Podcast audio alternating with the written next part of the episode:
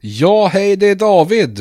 Eh, det är idag jag som får den stora äran att prata lite grann om, om lite olika lokala företag. Och, och då vet vi att det första man tänker på när man säger ordet lokalt företag, det är ju SMT Norrbotten. Eh, det är ju så att du kanske någon gång har stått hemma och tittat på någonting som att det här skulle fan behöva svetsas eller mekas.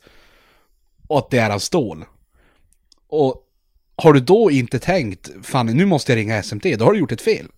Och det är som inget problem, för alla gör fel ibland.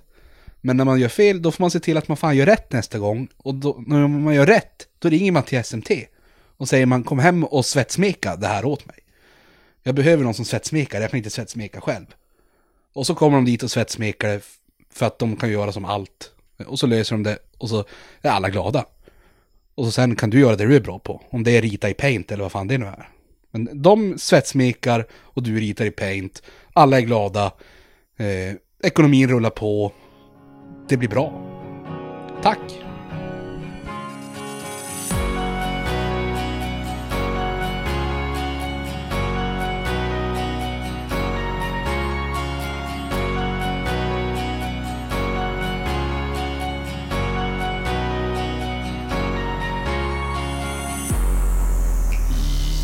Ja, hallå där basketvänner och varmt välkomna till ett nytt avsnitt av BC Luleå-podden med mig Max Wik och min gode vän David Sider Nilsson.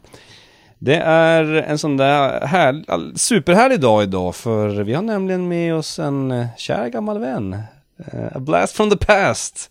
En, en, en av originalmedlemmarna i Sveriges tidigare bästa podcast genom alla tider, två steg från Skurholmen. Jag talar naturligtvis om Nils Jörup.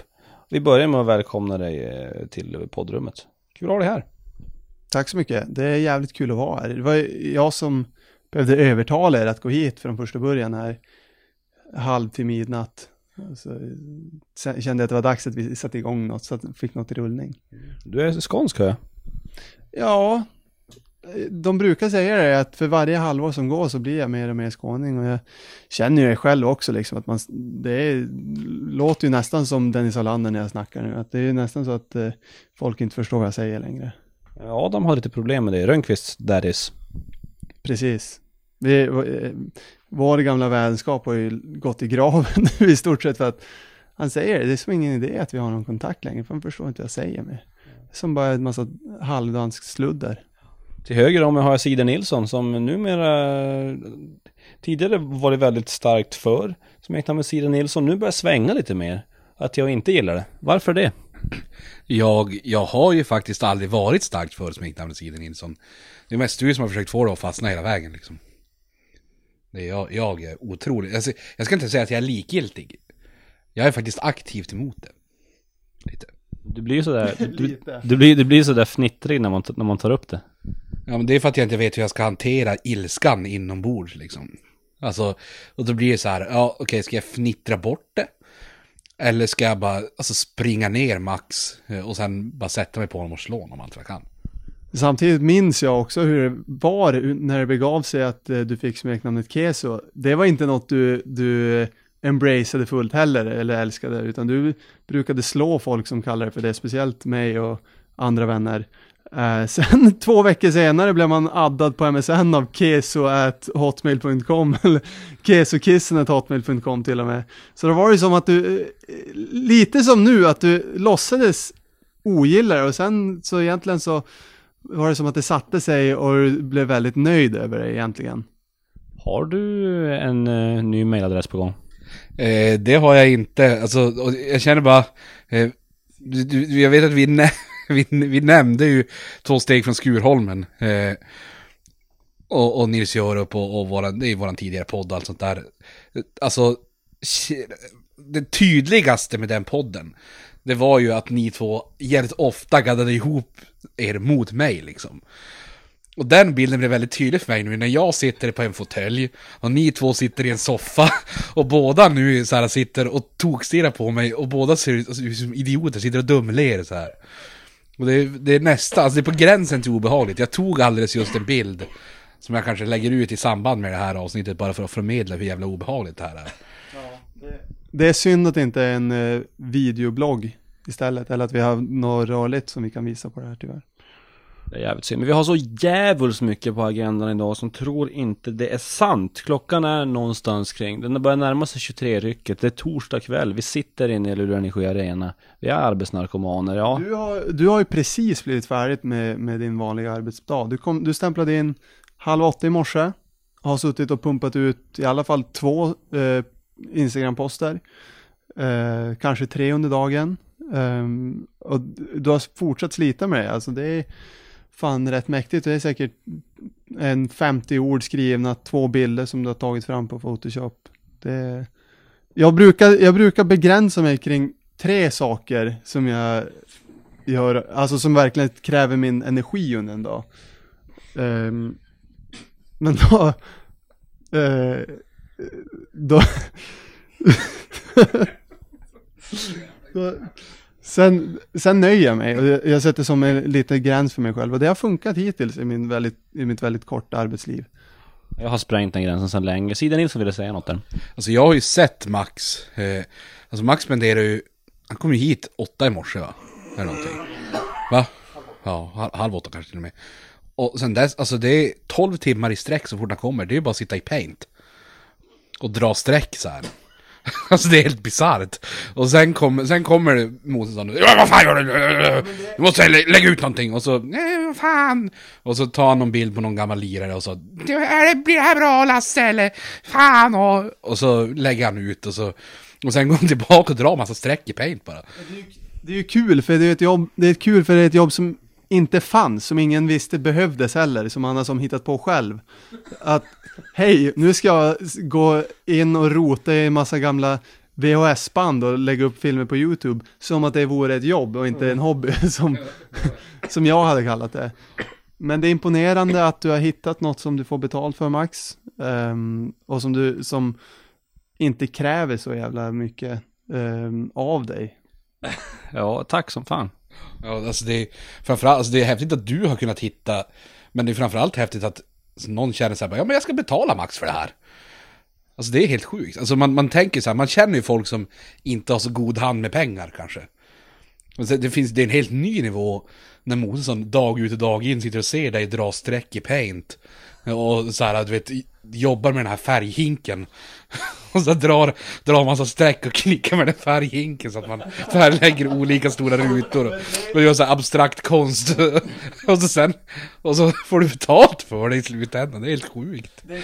Det känns som om eh, Lyxfällan hade gjort en edition på eh, idrottsföreningar. Det, är det första de hade gjort i den här, ni vet när de ställer upp 500 lappar i olika kategorier. Så det första de drar 500 lappar från det är kommunikatörsrollen, tänker jag. Men jag vet inte. Ja, och, så, och, och kommunikatör slash paintartist, alltså paintkonstnären. Alltså nej, det, det är riktigt bisarrt alltså. Det är, ja. Jag, vet, jag hade någonting mer kul jag skulle säga. Jo, just det. Och sen nästa tv-program, det är ifall Undercover Boss hade, hade gjort ett, ett, en variant så kommer Lasse Mosesson utsminkad med någon lös näsa och sätter sig vid datorn bredvid Max. och, så, och så sitter ni i paint. och, så, och så börjar du dra hans streck. och Lasse, Lasse tycker att vi har massa nya spelare som måste saknas! Men du vill hita i paint! I tio timmar till!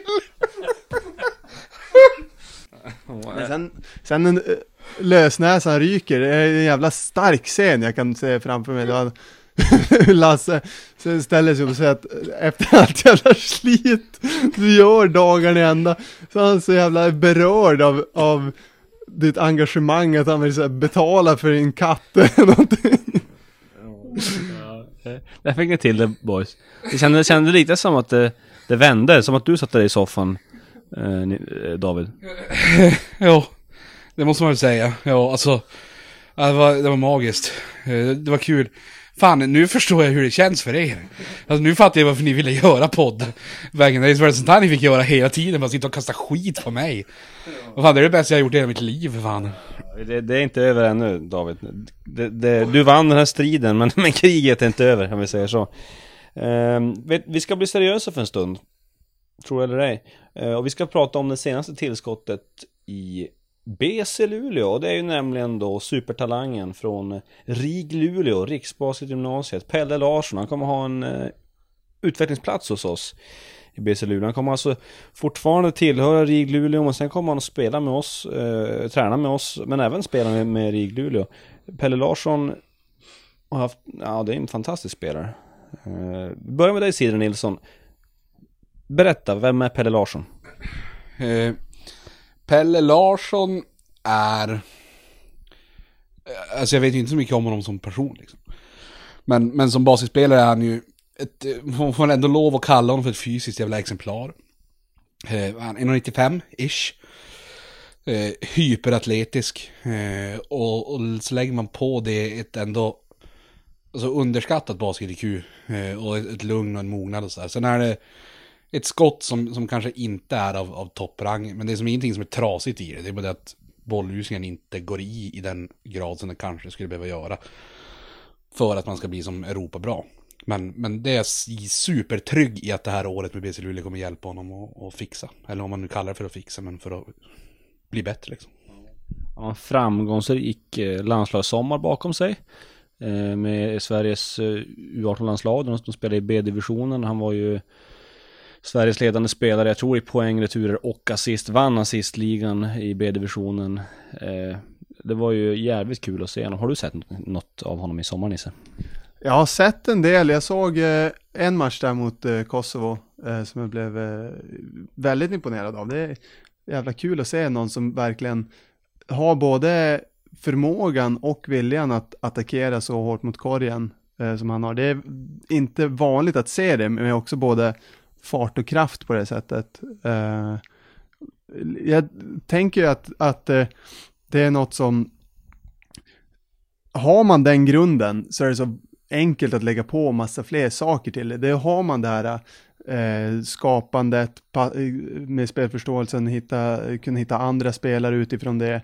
Att ha ett skott, vad fan, det är inte så jävla, alltså jag tycker det är lite överskattat. Det är typiskt jävla David att hitta på mm, grejer som, som, alltså lite nitpicks sådär. Eh, jag köper inte det alls, utan ofta handlar det bara om att kasta bollen mot korgen, hoppas den går i. Det är inget mer i det än vad jag ser det som i alla fall. Ja, men det är ju lite så han börjar profilera sig som assisterande coach i Basket och han ska ha någon sorts form att sitta lite över oss och veta lite mer. Det är lite det, tror jag kanske. Jo, det är typiskt. Alltså, må, många tränare pratar ju om det här med att, att, eh, att man måste som jobba på skottet på ett visst sätt. Um, och det är ju till viss grad sant. Uh, men jag tror kring det här med själva tekniken och formen och allt det där, så, så länge man har något som man känner sig trygg med och som, som man kan återskapa om och om igen, så uh, kan allt funka. Sen är det ju såklart vissa metoder som, som funkar lite bättre. Eh, men, men där är inte, du är, du är inte rätt person att uttala om det, som inte har satt en trepoängare i ert liv. Eh, Vad fan händer nu? Alltså det är för en jävla attack. Jag har fan gjort 30 poäng mot Antnäs en gång. Det, har, har, har du gjort 30 poäng mot Antnäs Nils? är, har vi redan börjat med det här segmentet, eh, saker som inte har hänt, eller? Åh jävlar! Shots fired. Jag vet inte, jag kan inte ens återhämta mig från den där. Helvete. Ja. Eh, men, men seriöst så ehm, är liksom eh, har man, har man, kan man göra de sakerna som, som Pelle Larsson kan så ska nog det mesta andra komma. Ehm, däremot det som blir intressant är ju då temposkillnaden, storleksskillnaden att spela i, i basketligan. Det är ju något som har, det är hoppet eh, som har Eh, vissa klarat och har kunnat lyfta sig vidare snabbt och kunnat gå ut i Europa vid en tidig ålder medan vissa har haft, haft problem att eh, akklimatisera sig till den nivån eh, och kanske tappat då både eh, självförtroende, suget, träningsviljan och sen försvunnit i sina karriärer. Eh, och vissa då som, som eh, medelvägen då, de som har hängt i några år extra och är nu stabila veteraner i, i ligan. Och det är ju liksom spännande att se redan i år vad som, vad som kommer hända där. Min känsla är ju då att eh, Pelle Larsson tillhör den här kategorin av spelare som redan nu liksom är De brukar prata i NBA om spelare som, som är NBA ready jävligt tidigt han är ju basketligan ready om vi säger så För, för, för att dra en eh, lokal vinkel på det hela eh, Killar som har varit tidigare som kom från BG Christopher Ryan kunde komma in direkt från BG till och med när han gick i trean och göra bra, riktigt bra saker i basketligan. Denzel Andersson, det var ju också basketligan ready. Pelle Larsson räknar jag in där. det måste man väl göra. Alltså, det är ju otroligt mycket som talar för att, för att det kommer bli en, en lång och bra karriär för, för Pelle. Eh, så att det, det blir superkul att se honom spela. Och sen som Nisse säger så är det ju sån där eh, övergången i det fysiska. Alltså fortsätter man, när man inte är lika fysiskt överlägsen på samma sätt. Han, han är ju fortfarande en av de bästa atleterna i basketligan. Alltså speciellt, framförallt en av de svenska, de bästa svenska atleterna i basketligan. Men när man inte är fullt lika överlägsen där, hur hanterar man det? Eh, Pelle har en nog stor ryggsäck av grejer för att kunna hantera det bra. Så det är, som, det är ju upp till honom liksom. Ja, grymt spännande ska det bli att se vad han kan uträtta. Den har, det här har varit klart i fem månader. Uh, att han ska spela med oss. Vi gick ut med det idag. Uh, jag har suttit på nålar länge. Jag har suttit i paint och jobbat uh, länge på det där. Och, och nu, så var det kul att få gå ut med det. Jag vill säga, det, alltså från början, du la ju ut en bild på Pelle idag. Ja, alltså när du från början satt i paint och bara hade gjort en streckgubbe med lite brunt hår så här. Då var det sjukt svårt att se vem fan det var egentligen. Så det var ju bra att Lasse som kom in och frågade vad fan du höll på med och sa att du, alltså vi har ju bilder på Pelle. Du behöver inte rita honom i paint. Så det, var, det var ju bra. Alltså för nu, nu får man se, men det här, det här är ju en riktig människa. Inte bara några svarta streck i paint liksom. Visst var det brunt, men ja, okej. Okej, okej. Okay. Ehm, folk har jämfört honom med Zion Williamson. En av dem är du Nils. Ja, alltså kanske inte sådär exakt i kroppstyp, men just i det här med att, att ha så mycket eh, delar av sitt spel som är redo för, eh, för högsta nivån. Eh, ha en, en extrem atletism på det. Eh, också att vara 1,95 och dunka fett eh, från både en och två fötter. Jag tycker jag ser väldigt många paralleller där, även om då han inte väger 130 kilo. Pelle alltså. Det är ju en ganska extrem jämförelse får man säga. Jag skulle säga att den stora skillnaden här är ju att om fyra fem år så kommer Pelle fortfarande bli bättre och kanske spela ute i Europa beroende på hur karriären går. Eller det, det får man ju se, men han kommer bli bättre, han kommer spela basket. Om fyra fem år, då kommer Zion Williamson kanske, ja, nu ska jag inte sätta in honom i ett fack här, men han, han har ju ett annat jobb än basketspelare helt enkelt. Han är färdig, han är done. Kanske att han lyckades signa något sånt här äh, Washington Wizards blir jävla tokiga och signa honom när hans rookie-kontrakt går ut. Trots att båda hans knän har, har imploderat i svarta hål. Så här, och, och han, han, han spelade två matcher i NBA. Eh, och sen gick han sönder. Eh, Washington Wizards lägger inte pengar på honom, men han kommer inte spela. Det kommer Pelle göra. Ja, jag, jag, tror att eh, faktiskt att Zion Williamson skulle må bra av att ha ett, alltså ett jobb som elevassistent vid sidan av basketen. det är det jobbet han kommer ha. Alltså om fem år då är jag ju elevassistent. Det är ju 100 procent. Alltså, jag slår till tusen kronor på det här nu. Jag, jag vill inte, jag, med det här sagt så, inget fel på elevassistenter, super, superhärliga. Jag har ju jobbat som elevassistent själv. Att, men jag är ju också in the game of throwing shade on myself liksom. Jag hatar ju mig själv. Så att det, hade inte varit, det hade inte varit första gången jag hade klankat ner på mitt eget arbete liksom. Du ville något där Nisse? Jag säger bara att David Side Nilsson har en lång, lång, lång historik av att stå på fel sida av historiens vingslag. Um, eller om det är så uttrycket går. Jag hade inte gått ner i ett, ett skyttevärn med. Det hade inte jag heller. Nu är vi, vi är ute och cyklar, så alltså, säg, säg en enda sak jag någonsin haft fel på. Och här ska vi ta i beaktning, jag har fan högskolepoäng i relativitetsteori. Jag hade fan inte mycket fel på de proven kan jag säga. Nisse, vad har jag, säg en sak jag har haft fel om i hela mitt liv. Var det spe speciell relativitetsteori eller? Ja, det är ju ännu häftigare. Alltså du hör ju. Men säg en sak jag har haft fel om i hela mitt liv. Ja, om jag får ta en väldigt nördig eh, grej av det så minns jag när du och jag spelade NBA 2K8 kanske, någonting sånt. När du ändå, alltså du var inte ny till basket utan du var ändå välbekant med basket och hade eh, satt in i, i både svensk och, och nordamerikansk basket och, och du frågade mig, finns det något som Josh Smith inte är bäst på? Och det finns det. Det finns väldigt många saker Josh Smith inte är bäst på. Alltså, det här... Jag kan inte komma ihåg att det här har hänt. Eh, Men jag står fast vid det. Alltså Josh Smith var en... Alltså speciellt i NBA-spelen var han ju fan... Alltså han var ju oslagbar. Alltså... Såg ni såg ni de spelade basket någonsin eller? Han var ju fan magisk. Ja, du har haft, du har haft Dwight Howard länge som bakgrundsbild också på din dator. Jag kommer ihåg det mycket väl. Ja, på MSN också, det var den här Superman-bilden.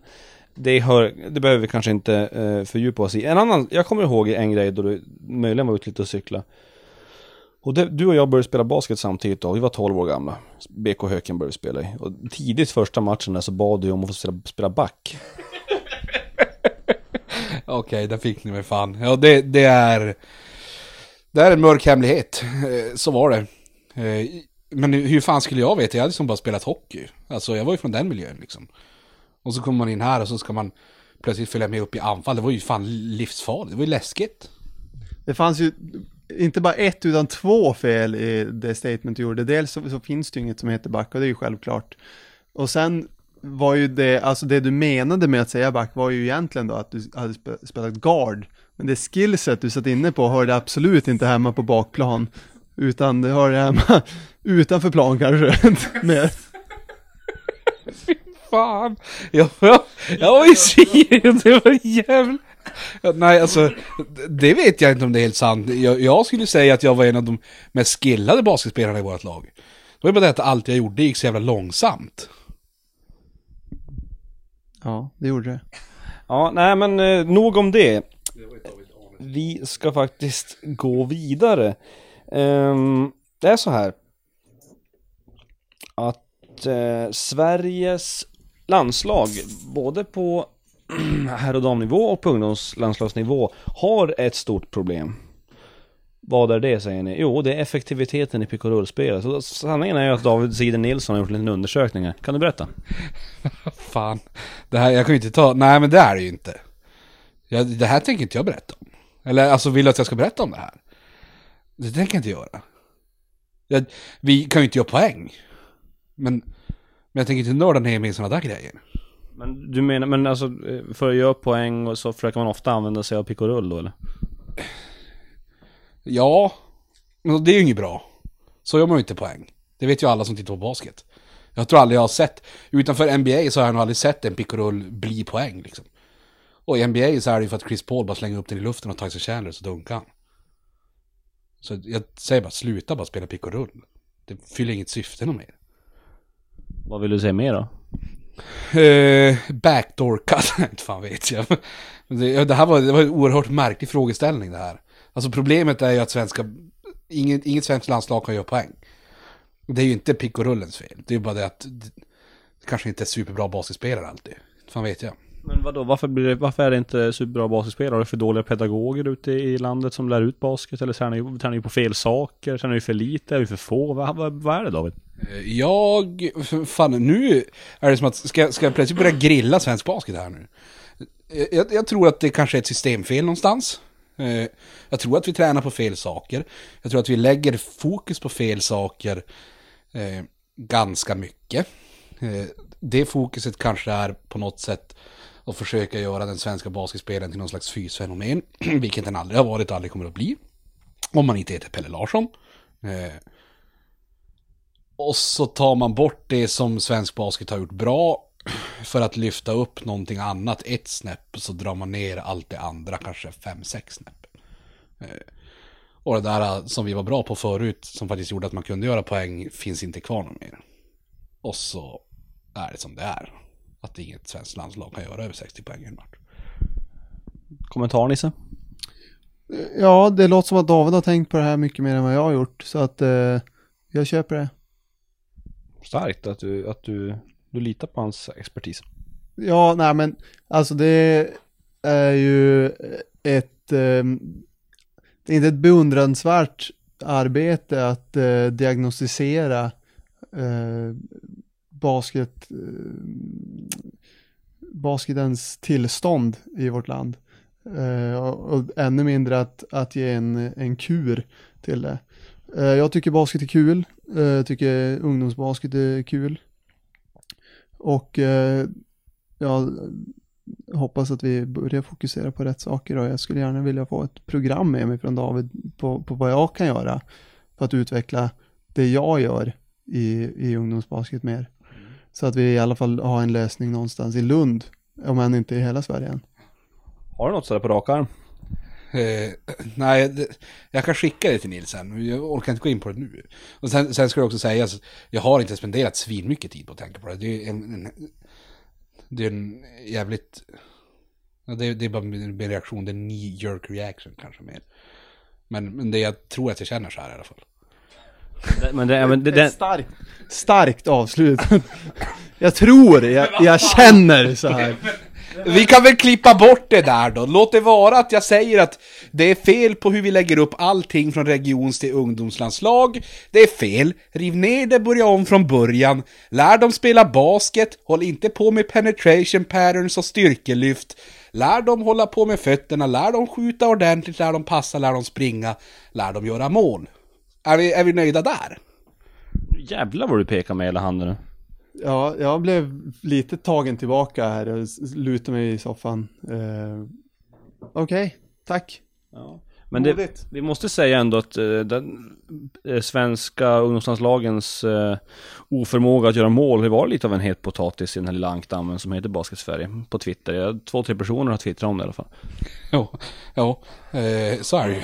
Men, ja, vad, vad ska jag säga mer liksom? Ja, nej men, nej, det, jag tror att jag känner så här i alla fall. nej, inte vet jag, men, men, ja. Men s- samtidigt är det också lätt att sitta från din elittränarroll här. Du har ett jävligt flådigt jobb här i, som assisterande tränare i en av Sveriges mest framgångsrika basketklubbar. Och sitta och, och spyr galla över hela, alla de här ideella tränarna i, i Sverige som går måndag till onsdag till hallen, får ingen lön, kör, sten, kör bra pass som de har lagt tid, säkert tagit av sin arbetstid att, att planera, eh, få dit ungdomar, få dit eh, folk att sitta i sekretariat, folk att döma matcherna. Hela den här organisationen, strukturen som, är, som krävs för att det ens ska finnas basket och du säger att de gör fel, är ju, är ju lite magstarkt kan jag tycka. Ja, säkert köper in 3D-mattor, jobbar mycket med sådana här dribblingsglasögon där man inte ska se riktigt eh, golvet och så vidare. Jag skulle säga att jag gör dem ju en björntjänst som jag säger att de gör någonting bra. Det är ju bara riva ner hela jävla strukturen, börja om från noll. Nej, så tycker jag verkligen inte. Jag säger vi, vi jag har blivit, i sommar blivit introdu- introducerad för sporten netball som är lite lik basket, bara det att man inte har någon planka. Och det är ju något vi kan testa, det kanske vi kan vara bra på. Ja, vi testar det. Jag vill, bara, alltså jag vill bara säga, jag tycker verkligen inte att man ska riva ner allting. Alltså det är jättemycket i basket Sverige som är jättebra. Men man kanske kan inte... Nils Jörup, jag tycker Nils Jörup är jättebra. Nils Jörup ska ju... Han ska spela i år i division 1 har jag hört. Och det för oss in osökt på nästa ämne, som är Svenska Cupen. Återuppstånden säsongen 2019-2020 har legat eh, vilande eh, ganska länge faktiskt. Eh, Nisse Jörup ska spela i ett av, ett av de topprankade lagen i Svenska Cupen. Eh, andra sida det är hos Lund. Du kommer inte vara med i första omgången men eh, sen är du på banan va? Ja, jag hoppas det. Vi har en eh, stor trupp med många duktiga spelare, så jag kämpar bara för att ha en plats i laget.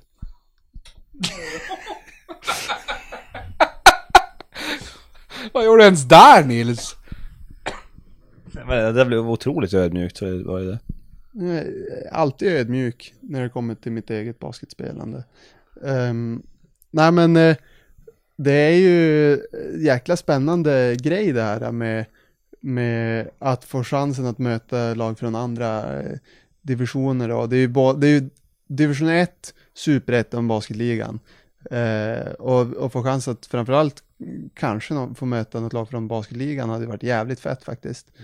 Ehm, även då han förlorar med 40 poäng och får eh, liksom eh, bli spelad brallorna av sig i stort sett. Ehm, så är det ju ändå ganska kul att, att mixa nivåer, se, se liksom vad det är som skiljer, eh, på vilket sätt skiljer sig nivåerna och, och det där. Det, det är spännande som fan.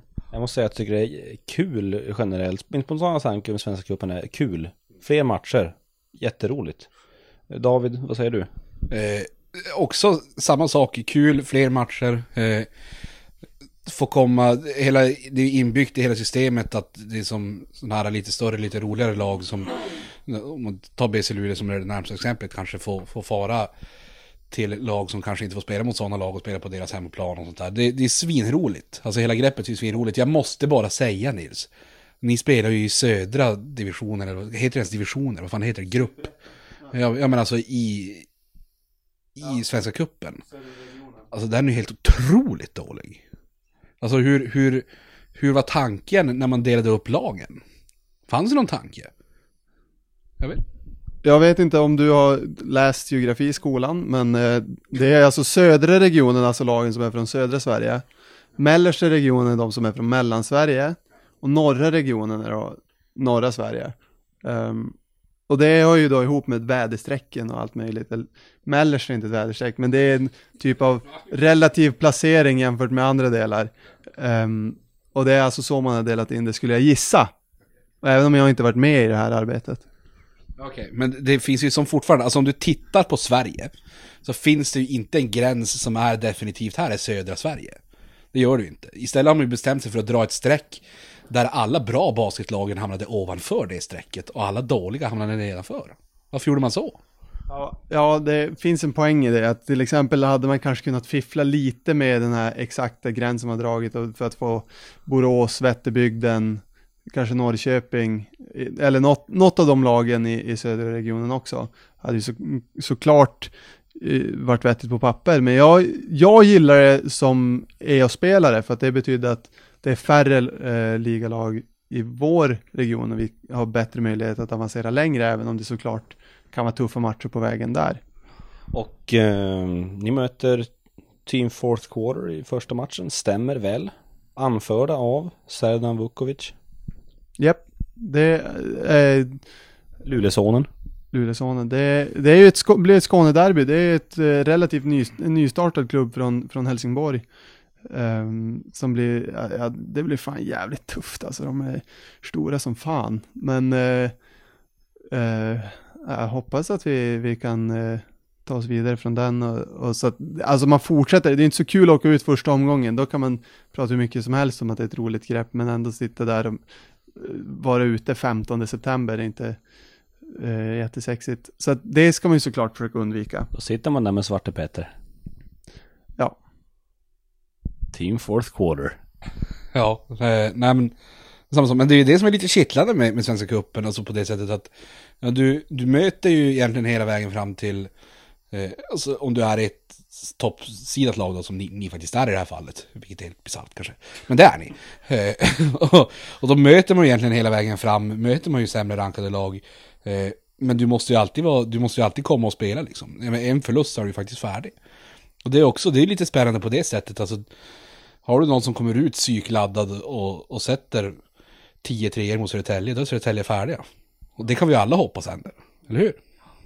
Om man vänder på det är det också en möjlighet faktiskt för ligaklubbarna att, att spela bredare rotation i de här matcherna, ge fler minuter till eh, sina unga spelare som, som kanske inte riktigt kan anförtros de stabila minuterna i, i ligan även om det, det såklart utsätter dem för risk så kanske inte är så att jag vet inte, BC Luleå gråter blod över att åka ut Svenska cupen även om det kan vara lite pinsamt.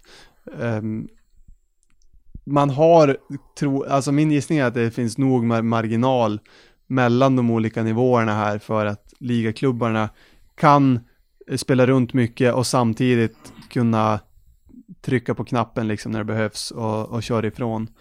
Uh, men vi, vi får se. Det är lite inspirerande också att kunna slåss om en till titel. Ha? Det är faktiskt roligt. Det är något så här som, som europeisk fotboll har som, som man kanske önskar fanns lite grann i basket. Det här, ja, men, att vinna en titel. Det enda som, det finns inte bara det här SM-guldet, även om det fortfarande givetvis väger tyngre än Svenska Kuppen Men, men jag menar, det är ju en superkul grej, fler tävlingsmatcher bara. M- Lite mer on the line. Ja, Stickspår är att Brandon Rosell till exempel vann isländska cupen eh, nu senast här. Blev du utsatt, utsatt till någon form av, inte utsatt, utsedd till någon form av MVP. Jag hade hatat att bli utsatt till att bli MVP, det hade varit jävla mörkt. Nej men om man säger så här Max, för, för dig och för ditt arbete och sånt, vad, vad hade det betydit för er att, att vinna Svenska Cupen? Likes. Många likes. Eh, kanske och i förlängningen fler följare via sociala medier. Och det går jag igång på. Hur svårt hade det varit att tolka stunden eh, när man vinner Svenska Cupen i ett abstrakt konstverk i Paint? Ja, det, för mig är det inte så svårt eftersom jag gör det hela dagarna. Eh, Så jag har, jag har redan en bild framför mig hur jag tänker. Eh, Två, två tre streck som jag drar. Eh, Men för, någon, för, en, för en lekman kan det vara svårt, ja. Eh, jag hade haft väldigt svårt för det. Väldigt svårt. Men det, det är spännande. Det blir kul för vi, vi BC Luleå kommer vinna Svenska Cupen och SM-guld. Så det blir kul att se dig tolka de här stunderna i, i Paint. Tack, tack, tack. Nog om Svenska Kuppen. Jag tycker att vi väl måste prata lite grann om eh, den store Lulesonen Jonas Jerebko har ju lämnat NBA. Och eh, det blir spel i ryska BC Kimki nu eh, till hösten här, Euroleague-laget. Den ständige tvåan i Ryssland. Eh, har, tror man förlorat runt ett, eh, ett tiotal finaler. Eh, typ. Mot Cheska antar jag. Eh, CSKA. Eh, många i alla fall eh, i Ryssland. Nu, nu jävlar jag ute på, på djupt vatten här. Jag vet inte riktigt eh, eh vad jag pratar om. Men hur som helst. Eh, han kommer inte spela NBA, han kommer spela i Euroleague. Eh, många har ju spekulerat kring varför. Han eh, väljer att eh, gå från NBA, har inte fått nog bra erbjudanden, eh, så det handlar om speltid, pengar, han får mer betalt i Ryssland säkert, det är inte alls omöjligt. Men vi har svaret, det riktiga svaret till varför. David, kan du berätta? Eh, men det är så här. Eh, alltså, USA generellt, San Francisco specifikt, är ju ganska långt bort. Liksom. Men i och med den här flytten så hamnar han ju mycket, mycket närmre sin hemstad Luleå. Eh, och det är det, alltså, så är det ju. Alltså, han kanske börjar längta hem lite grann. Eh, och känner att ja, det här är ett jätterimligt första steg att ta. Eh, det, det är geografiskt kanske inte superlångt bort, jag vet inte. Eh, jag är inte superbra på geografi, än som Nils Jörup. Eh, men det känns ju absolut närmare än San Francisco liksom. Du går ju mycket på känsla generellt när du, när du tycker. Jag, alltså, jag lyssnar ju bara på min mage. Jag har ju det i väldigt få saker som jag tycker som är backade av fakta. Det har i princip aldrig hänt. Även i skolan så, så argumenterade jag ju med känslor. Inte med, alltså på geografiprov. Så här, det känns verkligen som att det är så här. Ja. Starkt att höra faktiskt. Japp. Ja, det är ofta får man, får man ju höra från David att han säger så här, eh, du kan säga någonting som att, ja men hörde du att eh, eh Pelle Larsson, han, han är ju bara 1,80 lång säger du. Och så, men nej men det stämmer ju inte, det står ju här att han är 1,94. Jag sa, men det var ju för att du kollade upp det på internet, alltså på faktabaserat på en hemsida. Jag, jag kollade upp det i magen. Och där, där kände jag att han var 1,80. Ja, och det är ju, det är ju överordnat. Alltså, men, alltså, mäns, människokroppen är så oerhört komplex. Va? Det finns ingen dator som är så komplex. Det finns ingenting. Det, det kan inte svara för, alltså hur mycket när, alltså vet du, vet du att, vet du, vet du att jag har, jag har fler nervändar i min mage än, än, vad, än vad det finns datapunkter på, i hela internet. Liksom. Kan vi, kan vi komma tillbaka till prata om ämnet, tack? Jag blir jävla tokig på det här. Sk- kommer ni sakna att eh, gå in på ehm, gå in på NBA, eh, på League Pass eh, och slå igång en match nu och kunna se Jonas spela? 100% ja, jag tycker det är jättetråkigt att vi inte har en svensk eh, NBA. Det är ju, det har ju varit, en- jag tror att många i alla fall svenskar har känt en stolthet kring att ha ändå, kunna säga att vi har en svensk NBA. Eh, Jonas Jerebko har gjort det superbra där i, vad är det, tio säsonger han har gjort i NBA. Så att det är klart känns tråkigt samtidigt. Eh, lite fler svenskmöten i Euroleague. Jeffrey Taylor mot Jonas Jerebko, Marcus Eriksson slänger vi in det på ett hörn. Det är väl också, det finns väl en tjusning med det. Vad känner du David? Eh, nej men, det är väl ett, eh, alltså det är precis som du säger, det har ju varit superkul att ha en svensk NBA. Eh, det kanske tråkiga är att nu vet man inte hur länge det dröjer tills det, till nästa människa där liksom. Eh, men det, alltså, det varar ju inte för evigt. Alltså det har, tio år är ju superlång tid. Det är fan inte många som håller tio år i NBA. Alltså, och det han har gjort är ju helt otroligt. Eh, och det blir, det, blir ett jävligt, det blir ett väldigt spännande skede i karriären det här. Alltså, för nu, nu kanske han kommer till, till Euroleague och så förväntar sig att göra, ta en annan roll än vad han har haft på de här tio åren. Eh, kanske förväntar sig att vara mer ledande och sånt där. Och det, det blir jättespännande att se hur, hur det påverkar hans spelstil. Jag måste säga att det, var, det är ju lite drygt tio år sedan han var draftad till eh, NBA nu. Jag minns det som om det vore igår. Jag var i New York, bara några kilometer från Madison Square Garden där draften hölls. Eh, när Jonas Jerebko eh, var på plats och eh, blev draftad. Var han, var han pick 30, 39 eller sånt där? Eh, jag vill säga lite tidigare, men jag kan inte minnas exakt. Men han varade ju längre än båda de som Detroit draftade före honom. Austin Day och? Oh, jag kommer inte ihåg vad fan den andra var, men ja, eh, Austin Day i alla fall. Och Chauncey Billups säger David där borta, eh, som det in, inte var. Men eh, det, det är förvånansvärt få i varje, av de som draftas varje år som spelar tio säsonger i NBA. Jag, om jag räknar matten baklänges så får jag det till elva, men det är kanske jag som räknar fel. Uh, sen var det ju surt på ett sätt, även om jag verkligen inte hejade eller ville att Golden State skulle vinna i år, så är det ju ändå surt att han inte fick en titel där. Uh, att det som lämnades ofullbordat, men samtidigt är det liksom, det är, det är inte något som får sippra igenom någon slags kollektiv bitterhet här i Sverige att vi inte fick se en komma hem med Larry O'Brien Trophy. Utan eh, livet går vidare. Eh, kom ihåg att eh, njuta av det ännu mer nästa chans vi får. Stay hydrated också. Um, något som man pratar om mycket i eh, basket, kanske framförallt i svensk basket, det är lite grann det här med att ha en vinnarmentalitet vilja vinna, våga vinna, men också att veta vad som krävs. Och det är väl någonting som egentligen har genomsyrat Jonas Jerebkos karriär, att han, han har vetat vad som krävs hela tiden. Det är det man har hört alltid när man har, det folk har berättat om Jerebko. Proffsig, målmedveten, vet vad som krävs. Ja, ja alltså det, det ska väl fan sägas att så är det ju. Men förutom att han är, hur lång är han? Vet du det på rak arm Max? 207, 208 kanske. Så förutom att han är 207, 208 så är det ju inte supermycket eh, som egentligen har talat för att man ska kunna ha en tio år lång karriär i NBA. Det är så här, född och uppvuxen i Luleå, ja det är ju det är en bra start. Eh, men jag menar, det är fortfarande en liten stad i norra Sverige. Du ska ta dig därifrån ut i Europa, bara det är ett stort kliv. Eh, du ska ta dig därifrån till NBA och när du väl är där så behöver du ha tur. Alltså det ska vi säga, alltså, alltså första året i Detroit så, jag menar, det var några skador som gjorde att han fick chansen att kliva in i rotationen på ett sätt som, som kanske inte var tanken från början. Men han tog chansen. Eh, hade inte de personerna skadat sig, ja, men då kanske inte den karriären hade, karriären hade varit tio år lång. Men nu hände det, han var redo, han tog chansen, han visste vad som krävdes, hela den biten. Eh, och det är fan bara hatten av, stora applåder, det är mäktigt, en av svensk idrotts största någonsin. Men karriären är inte över, vi kommer fortsätta följa Jonas Jerebkos, Luleåsonens framfart eh, i Euroleague. Eh, fostrad i BK Höken för övrigt.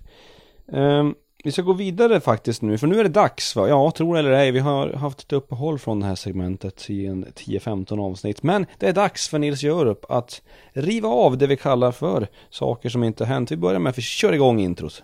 Så.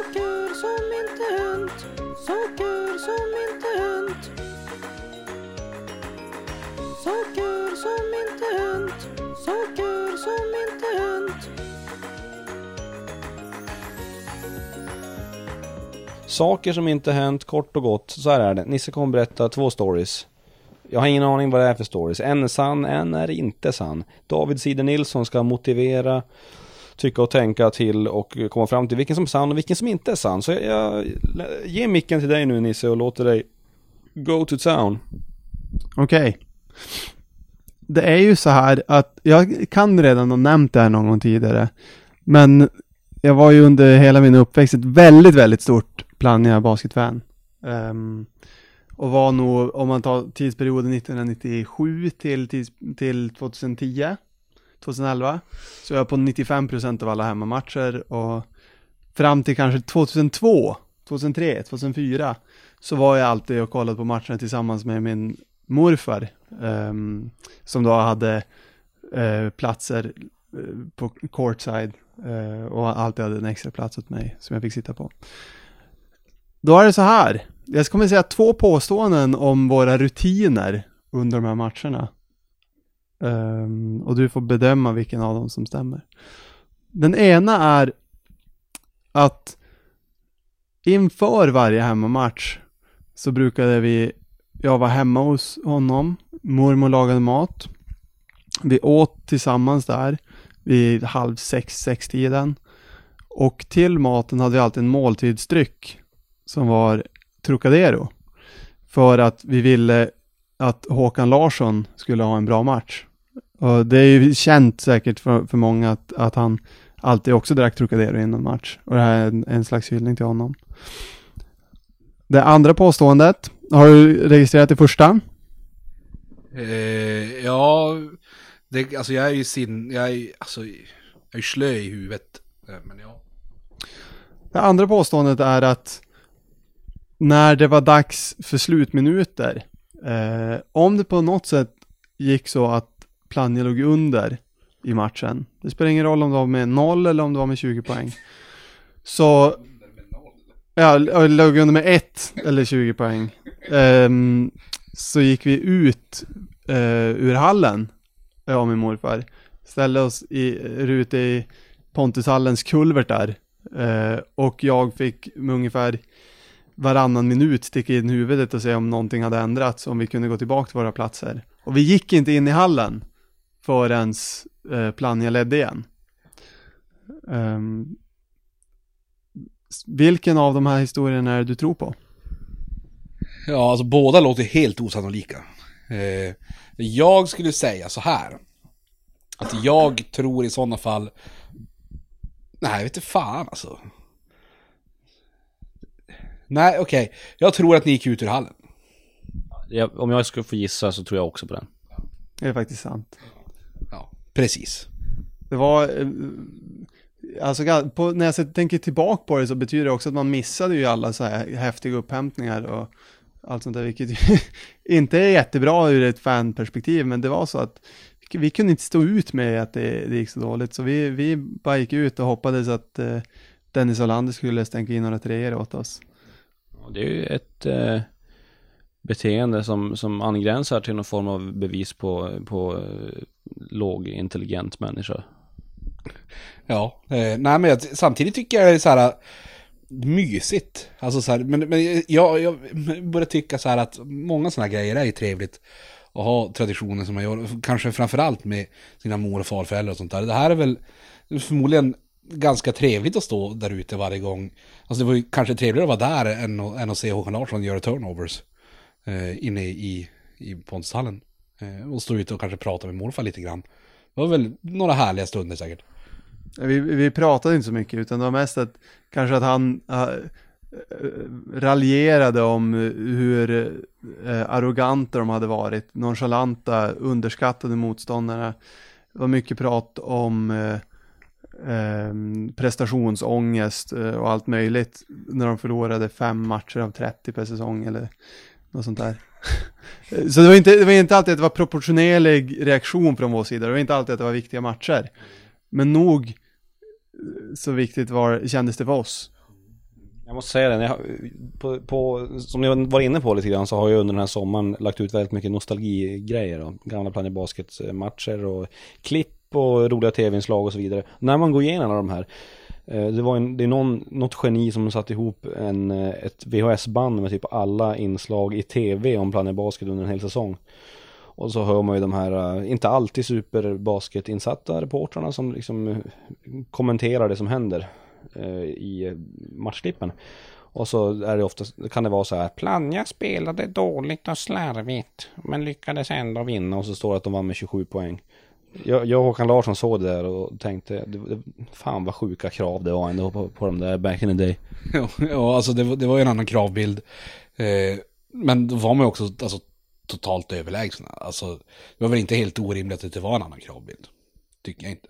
Och, men jag blir lite besviken så här, försöker jag måla upp en bild av att, av så här, trevlig gemenskap med sin morfar och sånt här. Nils och så är det bara, nej vi stod bara ute och var sura.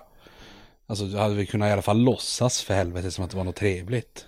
Jag jag vet inte vad du och din familj har för perversa eh, sammankomster och så vidare. Men, eh, men det tycker jag inte låter alls hälsosamt. Jag vill ju säga att det är i alla fall så stunder vi minns och det var mycket känslor inblandat. Jag tycker inte man kan kräva så mycket så, mer än så av livet. Det kan ju inte alltid vara så att allt är så jävla fint och härligt och mysigt. You win some, you lose some. Det är fan helt sant. Jag tar fan tillbaka det där nu Nils. Bra sagt.